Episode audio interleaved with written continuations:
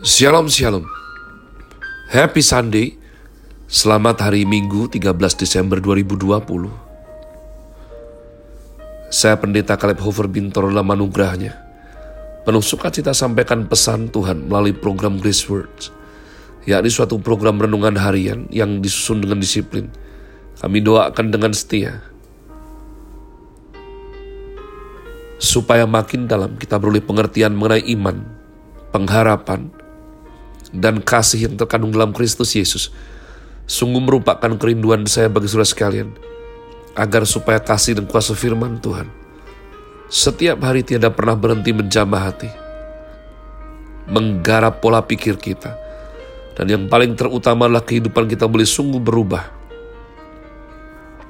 Makin seperti Kristus Yesus masih dalam season winter dengan tema Advancing Chris Word, hari ini saya berikan tajuk Good Job bagian yang ke-14.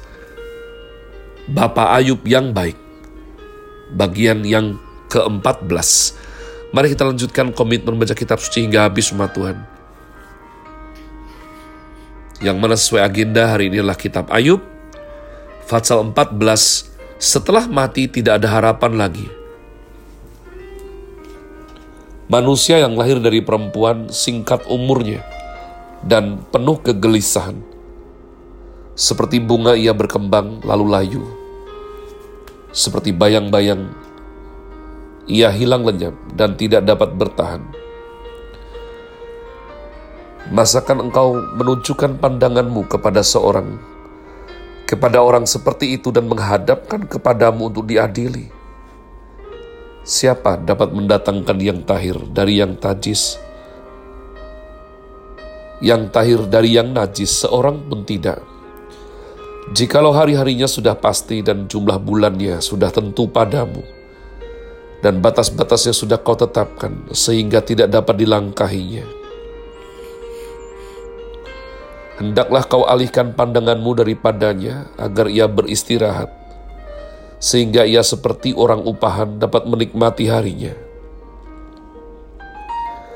Karena bagi pohon masih ada harapan, apabila ia ditebang, ia bertunas kembali. Dan tunasnya tidak berhenti tumbuh, apabila akarnya menjadi tua di dalam tanah, dan tunggulnya mati di dalam debu, maka bersemilah ia. Setelah diciumnya air, dan dikeluarkannya lah ranting seperti semai tetapi bila manusia mati, maka tidak berdayalah ia. Bila orang binasa, di manakah ia? Seperti air menguap dari dalam tasik dan sungai surut dan menjadi kering. Demikian juga manusia berbaring dan tidak bangkit lagi, sampai langit hilang lenyap. Mereka tidak terjaga dan tidak bangun dari tidurnya. Ah, Kiranya engkau menyembunyikan aku di dalam dunia orang mati, melindungi aku sampai murkamu surut, dan menetapkan waktu bagiku, kemudian mengingat aku pula. Kalau manusia mati, dapatkah ia hidup lagi? Maka aku akan menaruh harap selama hari-hari pergumulanku sampai tiba giliranku maka engkau akan memanggil dan aku pun akan menyahut. Engkau akan rindu kepada buatan tanganmu. Sungguh pun engkau menghitung langkahku. Engkau tidak akan memperhatikan dosaku. Pelanggaranku akan dimasukkan di dalam pundi-pundi yang dimeteraikan. Dan kesalahanku akan kau tutup dengan lepa. Tetapi seperti gunung runtuh berantakan, dan gunung batu bergeser dari tempatnya. Seperti batu-batu dikikis air dan bumi dihanyutkan tanahnya oleh hujan lebat. Demikianlah kau hancurkan harapan manusia. Engkau menggagahi dia untuk selama-lamanya, maka pergilah ia. Engkau mengubah wajahnya dan menyuruh dia pergi.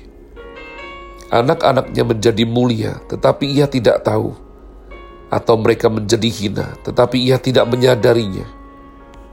Hanya tubuhnya membuat dirinya menderita, dan karena dirinya sendiri, jiwanya berduka cita.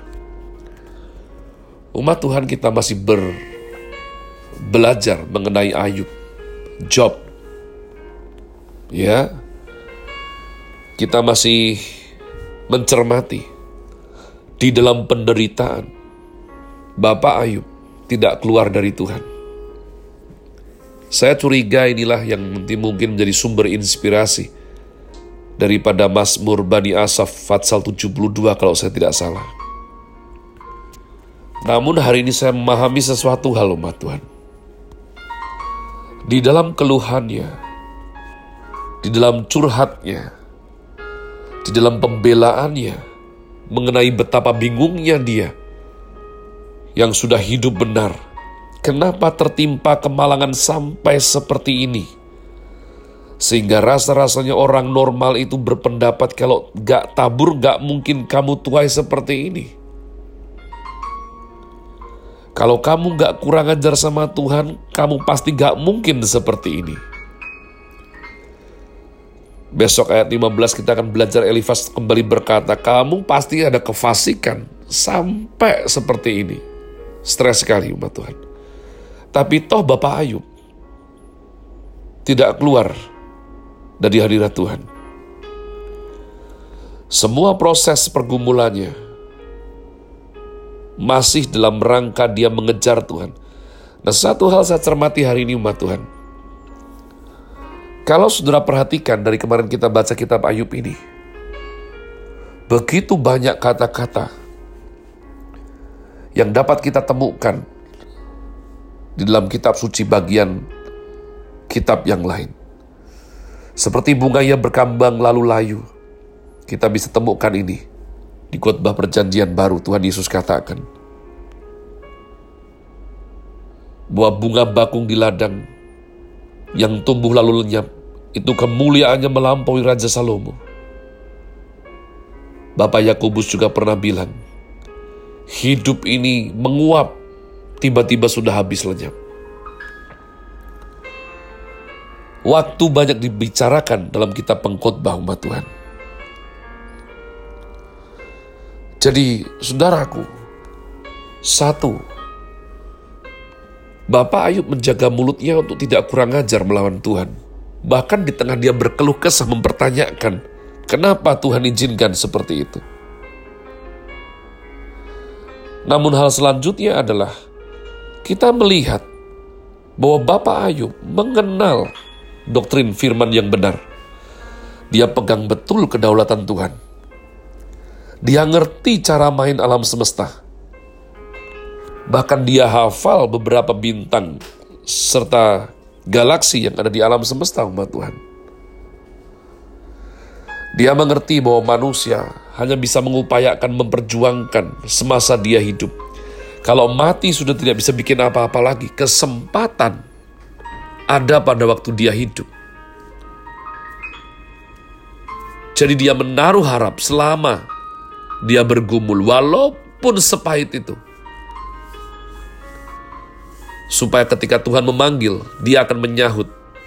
Dia punya iman, Tuhan rindu kepada buatan tangannya. Jadi umat Tuhan, tidak sekedar daripada Ayub ini, tidak kurang ajar kepada Tuhan, tidak keluar daripada hadirat Tuhan, dan dia kejar yang betul, dia kejar Tuhan, yang merupakan kekuatannya, yang merupakan alasan mengapa dia belum mati dan masih bisa bercakap, yang nantinya juga merupakan dasar mengapa dia berkemenangan. Tapi hari ini kita belajar, Ayub tahu firman Tuhan. Saya tengarai anak Tuhan yang tidak tahu firman Tuhan, tidak mengenal isi hati Bapa.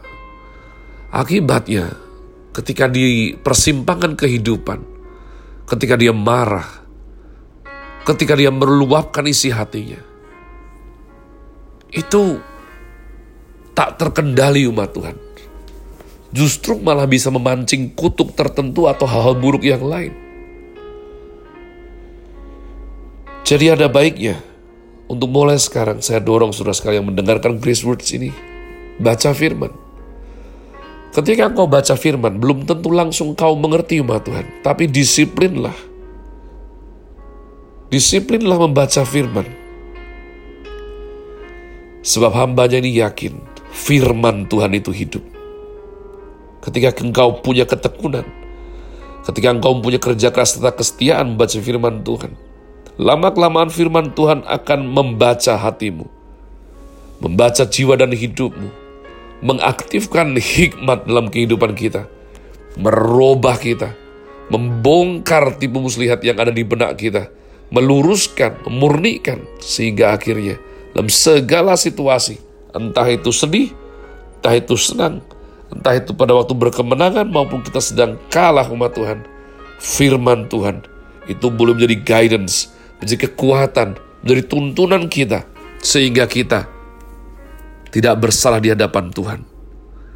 Saya sungguh berdoa untuk kau naikkan urgensitas membaca firman secara pribadi dalam kehidupan saudara.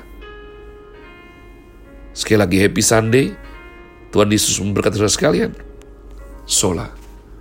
Grazie.